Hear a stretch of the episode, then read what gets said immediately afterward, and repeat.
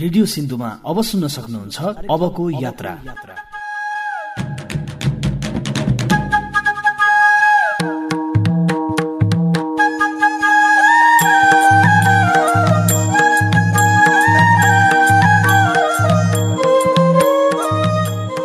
यहाँ चाहिँ के गर्न आउनुभएको आज? पनि बनाउने भनेर। तपाईँ आफ्नै? ए कति वर्ष हुनुभयो? भनेको विदेश जाने सोचमा हुनुहुन्छ हजुर पनि चालिस वर्षमा अब कहिले त पुग्दै जानु सक्दैन भन्छ है के के भन्छ? मिल्दैन भन्छ। अनि कसले चाहिँ विदेश जानु पर्यो भनेर भन्नुभयो त दिदीलाई? घरमा त अनि खुलाइ छ भने नमान्ने अनि मै मै जान्छु नि अनि एकचोटि के हुन्छ भने के के कारणले विदेश जानु लाग्नु भएको? ऋण मान्ने राम्ररी काम गर्दैन घर मात्रै भएर बस्छ। के गर्ने रहेछ? नमस्कार म दिपक खत्री। तपाईँ कामका लागि विदेश जाँदै हुनुहुन्छ भने जान्नै पर्ने थाहा पाउनै पर्ने कुरा के के छन् त? आज हामी कुरा गर्छौँ। तपाईँको विदेश यात्रालाई सुरक्षित बनाउने कुरा हामी तपाईँलाई सुनाउनेछौँ।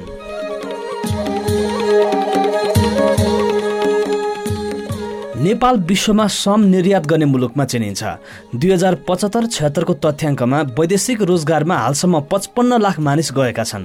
तथ्याङ्कमा सिन्धुपाल्चोकमा वार्षिक साढे पाँच हजार माथि मानिसहरू वैधानिक तरिकाले वैदेशिक रोजगारमा कामका लागि जाने गर्छन्। अवैधानिक रूपमा जिल्लाबाट विदेश जाने पनि उत्तिकै छन्। सीमित रोजगारी न्यून आर्थिक स्थिति उच्च गरिबी आदि इत्यादि कारण वर्षेनी साढे चार लाख व्यक्ति आन्तरिक श्रम बजारमा प्रवेश गर्ने गरेका छन्। मलेसिया खाडी मुलुक Bahrain Kuwait Saudi Arab Oman जस्ता मुलुकमा जानेहरूको संख्या धेरै छ।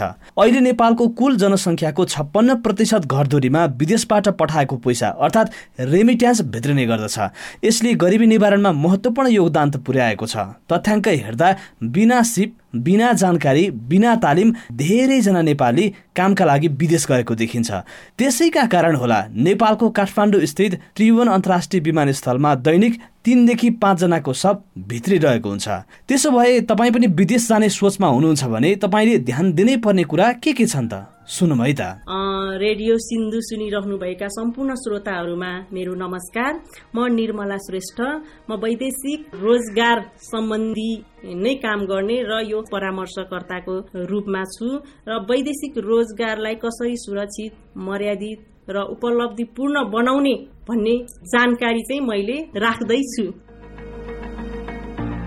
पहिलो कुरा त सकेसम्म विदेश नजाउँ जाने नै हो भने सही सूचना सिप लिएर जाउँ। अब तपाईँ जाने सोच्नै गर्नुभयो भने पनि पहिलो कुरा त तपाईँ विदेश के काम गर्न जाने? हातमा सिप छ कि छैन त्यो आफूले पहिचान गर्नु पर्यो र छैन भनेदेखि सिप तालिम अनिवार्य लिनु पर्यो र अर्को कुन देशमा जाँदै हुनुहुन्छ त्यो देशको सामान्य भाषा पनि सिकेर जानुपर्छ। अर्को दलालबाट जानु भएन। म्यान पावर कम्पनीबाट जानुपर्छ। र त्यो म्यान पावर कम्पनी पनि रजिस्टरवाला हो कि होइन भन्ने कुरा बुझ्नुपर्छ। रजिस्टरवाला हो कि होइन कसरी बुझ्ने भन्नु होला अँ, वैदेशिक रोजगार विभागको वेबसाइटमा हेर्न सकिन्छ अथवा वैदेशिक रोजगार विभागको सम्पर्क नम्बरमा फोन गरेर चाहिँ यो म्यान पावर कम्पनी दर्तावाला छ कि छैन ब्ल्याकलिस्टमा परेको छ कि छैन भनेर त्यहाँबाट बुझ्न सक्नुहुन्छ। र अर्को हाम्रो सूचना केन्द्रमा पनि नम्बर छ। र त्यो नम्बरमा तपाईँले सम्पर्क गरेर म्यान पावर कम्पनी चाहिँ रजिस्टरवाला हो कि होइन हेरिदिनुहोस् भन्नुभयो भने हामी पनि तपाईँलाई त्यो म्यान पावर कम्पनीको बारेमा हेरेर जानकारी दिन्छौँ। र हाम्रो नम्बर रहेको छ जेरो एघार बैसठी जेरो दुई सय चौरानब्बे। जेरो एघार बैसठी जेरो दुई सय चौरानब्बे। यो हाम्रो सूचना केन्द्रको नम्बर हो। म्यान पावर कम्पनी रजिस्टरवाला हो कि होइन भन्ने कुरा भयो। अब तपाईँ जाने नै सोच गरिसक्नुभयो। भनेपछि अब सिप पनि लिनुभयो म्यान पावर कम्पनी पनि छान्नुभयो। अब जाँदै हुनुहुन्छ भने अब तपाईँ जाँदाखेरि श्रम स्वीकृति नलिकन विदेश जानु हुँदैन। श्रम स्वीकृति लिएर जाँदाखेरि तपाईँलाई भोलि विदेश जाने क्रममा केही समस्या भयो भने कानुनी सहायतादेखि लिएर क्षतिपूर्ति लिनको लागि नेपाल सरकारले सहयोग गर्छ।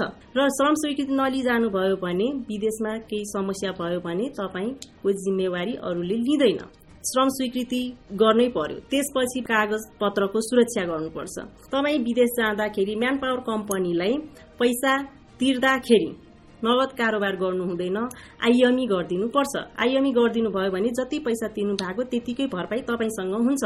त्यो भरपाई तपाईँसँग भयो भने भोलि समस्या परेको खण्डमा चाहिँ भरपाई नै तपाईँको प्रमाण हुन्छ भोलि क्षतिपूर्ति लिनको लागि। अब कागज पत्रको सुरक्षा कसरी गर्ने भन्नुहुन्छ?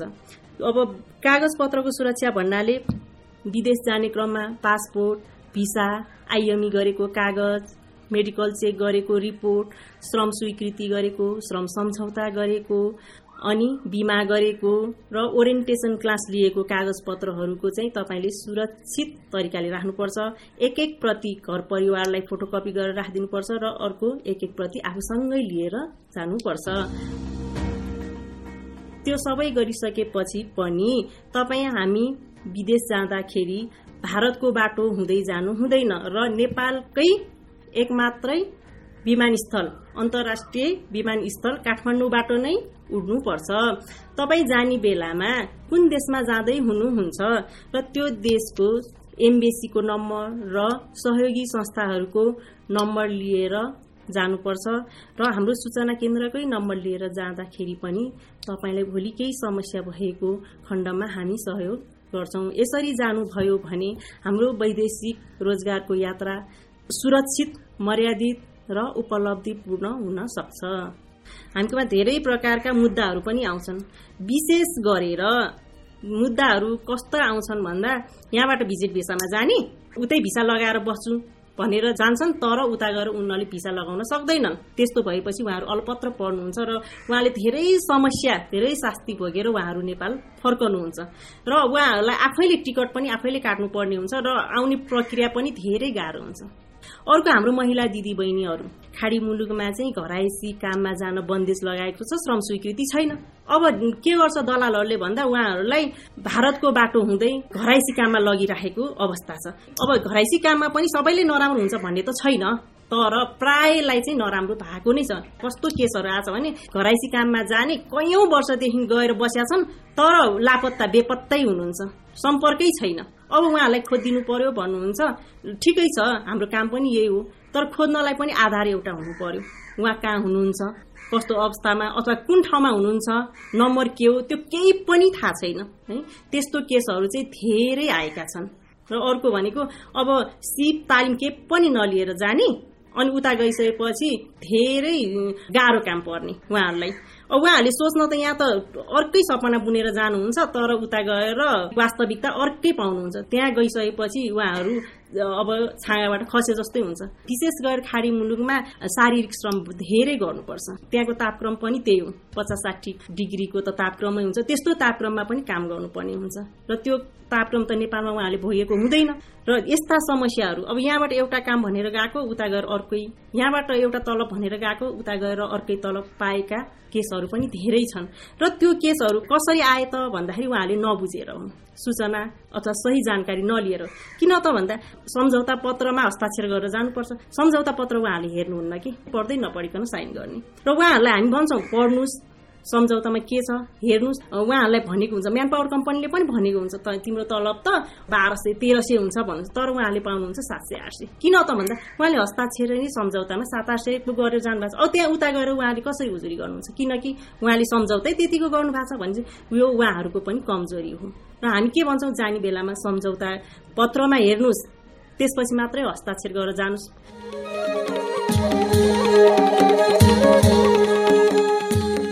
उहाँ हुनुहुन्थ्यो परामर्शकर्ता निर्मला श्रेष्ठ। अहिले तपाईँ रेडियो पत्रिका अबको यात्रा सुन्दै हुनुहुन्छ। आज हामी विदेश जाँदा के के कुरामा ध्यान दिने भनेर कुरा गरिरहेका छौँ।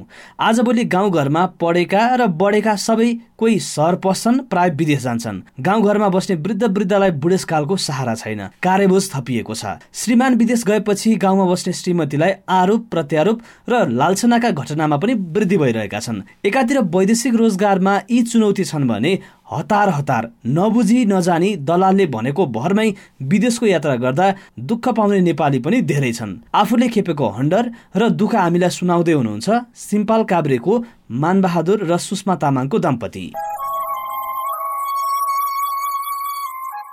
वैदेशिक रोजगारीको लागि म पनि मलेसिया गएको थियो। तल के यहाँबाट सेटिङ गरेर पठाएको रहेछ एजेन्टहरूले अनि म चाहिँ तल पुगेर एक महिनामै फर्किनु पर्यो। मेरो श्रीमती सुषमा तामाङ पनि तेरो म पनि जान्छु। अब तिन चार वर्ष कमाएर आउँछु। हामी दुईजना भनेर ऊ पनि जाने भन्ने कुरा थियो। अनि पछि उसले यही हाम्रो सिङ्गल काभ्रेकै एजेन्ट मर्मतबाट गएको रहेछ। दलाली भनौँ कि एजेन्ट भनौँ ऊ भेटेर चाहिँ उनीहरूले त्यो पासपोर्ट बनाएर पठाएको रहेछ। पहिला चिनेको थिएन पछि फेसबुकमा भेटेको। खोइ पैसा लाग्दैन त्यतिकै पठाउँछु भन्दै थियो। त्यो मान्छे त हाम्रो के अरे सिङ्गल काप्रेकै हो। मैले मैले चाहिँ चिन्छ। के अरे म त अब त्यतिखेर त मलेसिया नै थियो गइसकेको थिएँ म। अनि पछि म चाहिँ मेडिकल फेल भएर एक महिनामा फर्केर आयो। ऊ फर्केर आउँदाखेरि म इन्डियामा थियो। खोइ राम्रै हुन्छ राम्रै छ सेलरी पनि राम्रै छ हुन्छ भन्दै थियो। अनि तल गएर चाहिँ नराम्रो भयो? यहाँबाट त इन्डियासम्म गाडीमा गएको। खोइ यहाँ त अब उनीहरूले त राम्रै हुन्छ जाउ राम्रै कमाउँछ भन्दै थियो। अगाडि चाहिँ के अरे राम्रै ठाउँमा जान्छु चाहिँ भनेको थियो तर के अरे को एजेन्ट भनेर मैले एजेन्टको नाम सोद्धाखेरि चाहिँ उसले एजेन्टको नाम भनेन। उसले नजानु पनि सक्छ र को हो भनेर पनि थाहा थिएन। पछि म नेपाल आइपुगेर मैले कसले पठाएछ त्यो सोधबुझ गर्दाखेरि यहाँ हाम्रो सिङपालको एउटा र माथि कदार्चेको एउटा रहेछ। तल दिल्लीमै बस बस्छ त्यो याङलाल भन्ने चाहिँ तिनीहरूले पठाएको रहेछ। अलिअलि अब यहाँ साउको ऋणहरू थियो ऋण तिर्नुपर्छ भर्खर घर बनाएर गएको थियो त्यतिखेर ऋण पनि थियो। अनि ऊ गएको रहेछ म म चाहिँ माथि फर्क्यो ऊ चाहिँ तल के अरे इन्डिया पुगिसकेको छ म आउँदाखेरि। फोन गरेको थियो अँ म इन्डिया पुगिसक्यो भन् भनेको थियो म चाहिँ नेपाल आइपुगिसक्यो फर्केर आऊ भन्दै थियो कि। अनि म जान्छु भन्दा पनि उनीहरूले पठाउँदैन। अब यहाँसम्म आइसक्यो त्यत्रो खर्च भइसक्यो कहाँ पठाउँछु भन्दै थियो। मैले त दिएन उनीहरूको चाहिँ खर्च भयो अरे। अनि तल पुगेपछि इन्डियामा एक महिना बस्यो। त्यहाँबाट सिधै कुबेत अनि मैले अब राम्रै भयो भने जाउँ नभए त फर्केर आऊ भने मैले। अनि पछि एक महिना जति पछि उड्यो। म त्यतिखेर यहाँ नेपालमै थियो नेपालमा आइसकेको थियो। एक महिना पछाडि बल्ल उड्यो। उडिसकेपछि तपाईँ चाहिँ नि एक महिना तल पुगेर पनि अनि एक महिना पछाडि चाहिँ उसले के अरे म बिरामी भयो के अरे रिङबाट चाल्यो। भनेर फोन गर्छ। यसले पनि गरेन आज उसले पनि त्यो बिराम भएको चाहिँ त्यही के अरे त्यहाँको एजेन्टले के अरे तिम्रो बुढी यसरी बिरामी रहेछ यस्तो बिरामी मान्छे किन पठाएको भनेर मलाई फोन गरेको थियो। त्यतिखेर चाहिँ यो एजेन्ट कहाँ लगिसकेको रहेछ त्यो घरबाट निकालेर बिराम भएर।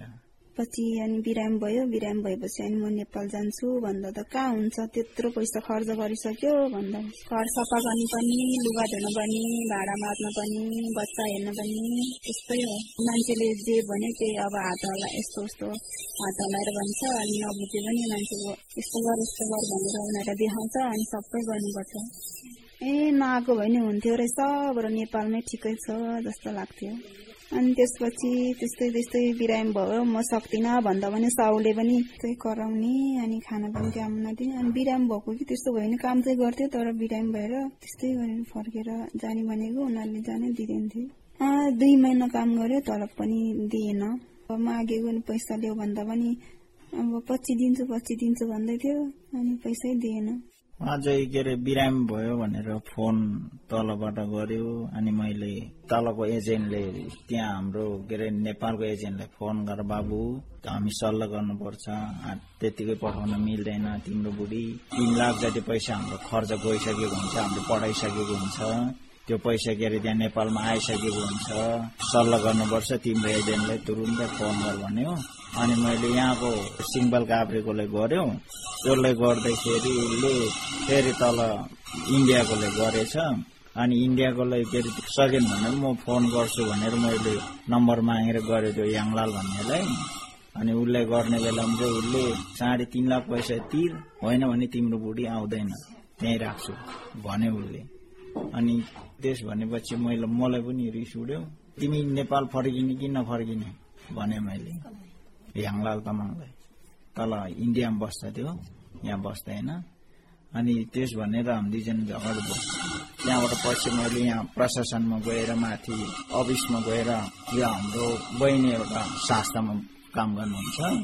त्यहाँ गएर भन्यो तल यस्तो बिजली भयो एजेन्टले मलाई तिन लाख रुपियाँ पैसा माग्यो। त्यो तिन लाख बुझाएर मैले मेरो बुढी निकाल्नु मिल्छ कि? या तपाईँहरूले यहाँ सहयोग गर्न मिल्छ भनेर मैले माथि गएर सल्लाह गरेँ उहाँहरूसँग। अनि उहाँहरूले ठिक छ हामी निकाल्छु। त्यसरी के अरे त्यो तिन लाख रुपियाँ पैसा तिर्नु पर्दैन। हामी निकाल्छौँ। तल हाम्रो मान्छे हुन्छ। के अरे उहाँहरूले हामी कन्ट्याक्ट गरेर निकाल्छु भन्नुभएको थियो। अनि उहाँहरूले नै कन्ट्याक्ट कन्ट्याक्ट गरेर फोन गरेर पछि निकाल्नु लगा संस्थाको दिदीहरूले फोन गर्नुभएको थियो। यसरी निकाल्दैछु तिमी यसरी आऊ आऊ भन्दै थियो। हामीले घर ठेगाना थाहा छैन नत्र हामी घरमै लिन आउँथ्यो कुन ठाउँमा बस्छ भन्दै थियो तर ठाउँ पनि थाहा थिएन। त्यतिखेर तल यो एजेन्टहरूले चाहिँ उनीहरूले नराम्रो हुन्छ भनेर के अरे भाग्न लगाएछ त्यहाँबाट। नभए त यिनीहरूले त डाइरेक्ट पठाउने हो नि त खास त। त्यसरी पठाउनु पर्ने अनि पछि इल- इलिगलको त्यो बनाएर पठाएको रहेछ। कपडाहरू पनि केही पनि छैन त्यत्तिकै के अरे जस्तो के अरे अगाडि भागेर गएको कपडाहरू त्यस्तो एक सर मात्रै लगाएको रा- लाएर आएको रहेछ। तिनजना त्यसरी आएको रहेछ। के अरे तिनैजनासँग पैसा पनि केही पनि छैन रहेछ। पछि म गएर के अरे त्यहाँ एयरपोर्टमा पुगेर मैले लिनु गयो तलबाट अनि मैले तल इन्डियाको एजेन्टलाई फोन गरेको म पैसा पठाउँछु बाबु भन्नु टोबाले मलाई अगाडि त्यस्तो झगडा भएर पनि पछि त्यस भनेको थियो। पछि त उसले कहाँको पैसा पठाउनु? दुई महिनासम्म काम गरेको त्यो पनि आएन। के अरे एक महिनासम्म त्यहाँ जेलमा पनि बस्नु पर्यो भनेर मैले भनेको। खास त यो हामी अनपढ जस्तै भएर पनि हो। अब पढाइ नभएपछि मान्छेको कुरा सुन्ने त्यसरी जाने। मैले त्यसरी जानु हुँदैन। इन्डियाबाट पनि भनेको थिएँ यसलाई। के अरे यहाँ एउटा दाई भेटेको छ म उसँग। के अरे हामी तिनजना भयो त्यही भएर चिन्ने जान्ने नै छ। त्यो उनीहरूसँगै जान्छु भनेको थियो। पछि उसलाई नाम साम चाहिँ केही पनि थाहा छैन रहेछ। पछि म यहाँ नेपाल आइपुगेर मात्रै थाहा भएको नाम मैले चाहिँ राम्रै हुन्छ होला अब गयो भने हुन्छ अलिअलि कमाउँछ भनेर। अँ भर्खरै घर बनाएको थियो अलिअलि ऋण पनि थियो त्यही भएर हुन्छ कि भनेको। त्यस्तै भयो अब के गर्नु। अहिले चाहिँ ऊ विदेशबाट आएकोदेखि अब म पनि त्यसरी फर्केर आयो बिग्रेर आयो। अब मेरो पनि एजेन्टले सबै खाइदिइहाल्यो पैसा फिर्ता पाएन। अनि त्यही भएर अहिले ऋण सिन गरेर भए पनि सानो होटेल थापेर बसिरहेको छ। उसलाई चाहिँ म चाहिँ मिस्त्री काम गर्छु अहिलेसम्म चाहिँ। अँ अहिले चाहिँ राम्रै छ। अलिअलि व्यापार पनि हुन्छ।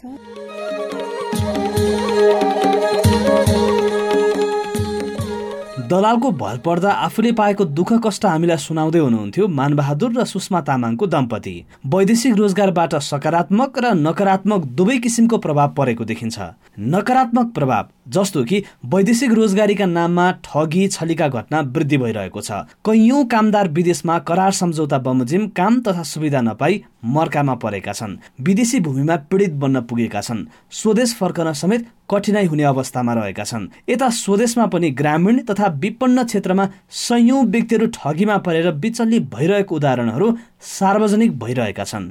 वैदेशिक रोजगारबाट सकारात्मक प्रभाव पनि उत्तिकै छ वैदेशिक रोजगारीका कारण देशमा ठूलो परिणाममा पुँजीको अतिरिक्त उन्नत प्रविधि उद्यमशीलता सिप एवं दक्षता भित्रिएको छ। वैदेशिक रोजगारीमा गएर नेपालीहरूले एकातिर सिप दक्षता एवं उद्यमशीलता सिकेका छन् भने अर्कातिर विदेशी भूमि खास गरी खाडी मुलुक मलेसिया आदिमा गरिएको परिश्रम नेपालभित्रै गर्न सके स्वदेशमै धेरै गर्न सकिने रहेछ भन्ने आत्मज्ञान पनि प्राप्त गरेका छन्।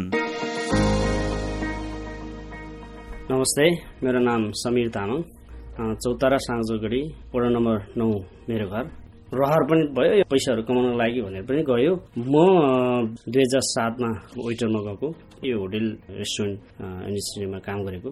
मलाई एक्सपिरियन्सहरू थियो। पहिलोचोटि विदेशको यात्रा पहिलोचोटि चाहिँ तपाईँको प्लेनमा चढेको एक्सपिरियन्स लिनु पाएँ। अनि विदेशको एउटा होटेल रेस्टुरेन्टमा यस्तो यति राम्रो फेसिलिटी यति राम्रो म्यानेजमेन्ट सिस्टम वाइज सिस्टम हुन्छ त्यहाँ। त्यसको सिस्टमहरू त्यो अनुसार फलो गर्दै जानुपर्ने अवस्था थियो। धेरै राम्रो थियो विदेशमा चाहिँ। फेल चाहिँ होटेल रेस्टुरेन्ट सेक्टरमा भएको कारणले।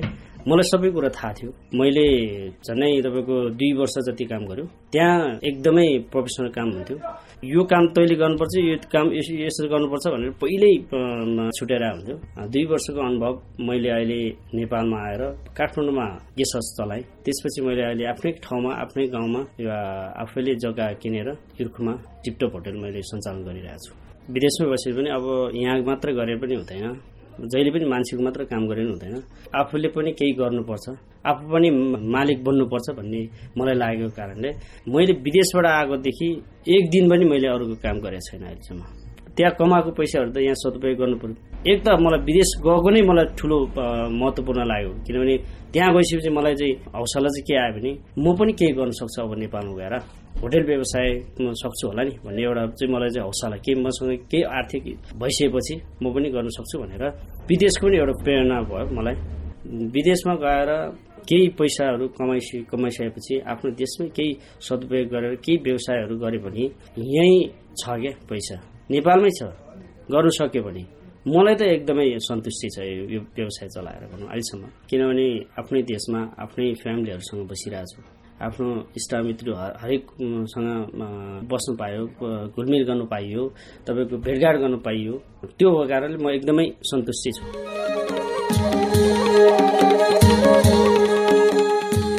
विदेशबाट फर्केर नेपालमै फरक ढङ्गले व्यवसाय चलाउँदै आउनुभएको आफ्नो अनुभव सुनाउँदै हुनुहुन्थ्यो व्यवसायी समीर तामाङ। रेडियो पत्रिका अबको यात्रामा आज हामीले सुरक्षित वैदेशिक रोजगारीका कुरा गर्यौं विदेश जाँदै हुनुहुन्छ भने के के कुरामा ध्यान दिने त भनी परामर्शकर्ता निर्मला श्रेष्ठले कुरा सुनाउनु भयो यस्तै दलालको भर परेर अवैधानिक रूपमा भारतको बाटो हुँदै विदेश जाँदा मानबहादुर र सुषमा तामाङ दम्पतिले पाएको दुःख कष्ट र हैरानीको कुरा पनि सुन्यौं। र कदमबासका समीर तामाङले विदेशबाट फर्किएपछि सिकेका सिप र ज्ञानलाई आफ्नै ठाउँमा प्रयोग गरेर पाइरहेको सफलताका कुरा पनि सुनाए।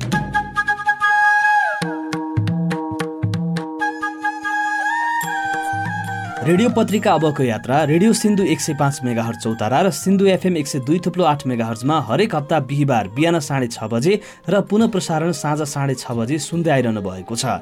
रेडियो सिन्धु डट ओआरजी सँगै मोबाइल एप रेडियो सिन्धुबाट र पोडकास्टमा समेत यो कार्यक्रम सुन्न सक्नुहुन्छ। आज हामीले उठान गरेको सवालमा तपाईँका आफ्ना कुरा भए रेडियो सिन्धुको टेलिफोन नम्बर शून्य एघार छ दुई शून्य तिन नौ छमा सम्पर्क गर्न सक्नुहुन्छ। Sindhu radio at the rate Gmail dot कममा इमेल पनि लेख्नुहोस्। जाँदा जाँदै वैदेशिक रोजगारको बारेमा अर्को एउटा महत्त्वपूर्ण र छुटाउनै नहुने सन्देश सुनाउँछौँ। नमस्कार। मलाई कसैले दुबईमा भाइ तँलाई चाहिँ ल दुई लाख कमाइरहेको आइज है। ग्यारेन्टी भयो भन्छ भने यो म चाहिँ पासपोर्ट बनाउन हिँडेँ भनेर लाग्दो रहेछु। भन्नुको चाहिँ के जिन्दगीमा राम्रो लगाउने मिठो खाने र परिवारलाई राम्रो चाहिँ सुविधा दिने चाहनामा यो नरोकिने प्रक्रिया प्रक्रिया रहेछ वैदेशिक रोजगार चाहिँ। उन्नत जिन्दगी जिउने चाहना चाहिँ कसलाई धेरै कमाउने कसलाई छ? त्यस्तो अवसरहरू आउने बित्तिकै मान्छे चाहिँ अर्को ठाउँमा चाहिँ मोबाइल भइरहने। त्यसले गर्दा यो माइग्रेसन भनेको त कन्टिन्युस प्रोसेस भले यति हो हिजो दार्जिलिङको चिया बगानमा आसामको जङ्गलमा कृषि कामको लागि जान्थ्यो। बिचमा खाडी र मलेसियातिर अलिबढी भाषी मान्छे अहिले चाहिँ युरोपको देशहरूमा चाहिँ गइरहेको छ। तर यो चाहिँ कन्टिन्यू प्रक्रिया रहेछ भन्ने चाहिँ झट्टै देखिन्छ धारणागत कुराले गरी नै हो कोही मान्छे साँच्चै नै भर्सक चाहन्छ जान्छन् भने यो बिजुली सम्बन्धीको तालिम सिकोस्। र यिनले तालिम सिकेर विदेशमा चाहिँ यही सम्बन्धी काम गरोस् तिन चार वर्ष सिप पनि टिकारोस् दुई चार लाख पैसा कमाओस् फर्केर आएर यही सम्बन्धीको सामानहरूको पसलहरूको चाहिँ तपाईँको सामानहरूको पसल खोलोस् र गाउँको घरमा ठेक्का लिएर वेडिङको काम गरोस् जसले गर्दा विदेश कन्टिन्यू जानु पर्दैन। कोही मान्छे जान्छन् भने अलमराई जस्तो डाइट फर्ममा काम गरोस् तिन चार वर्ष काम गरोस् केही रकम कमाओस् र फर्केर आएर बजार केन्द्रतिर चाहिँ तपाईँको नजिकमा आएर चाहिँ उनले डाइट फर्महरू खोलेर चाहिँ आफूले स्वरोजगार गरोस् र केही भाइहरूलाई रोजगारी दियोस्। अनेकौँ विदेश दिएको हुन्छ। नत्र सिप पनि छैन के पनि छैन कन्टिन्यू गइरह्यो भनेदेखि चाहिँ विदेश दिनु हुँदैन भन्ने कुरा नै रह्यो एउटा चाहिँ।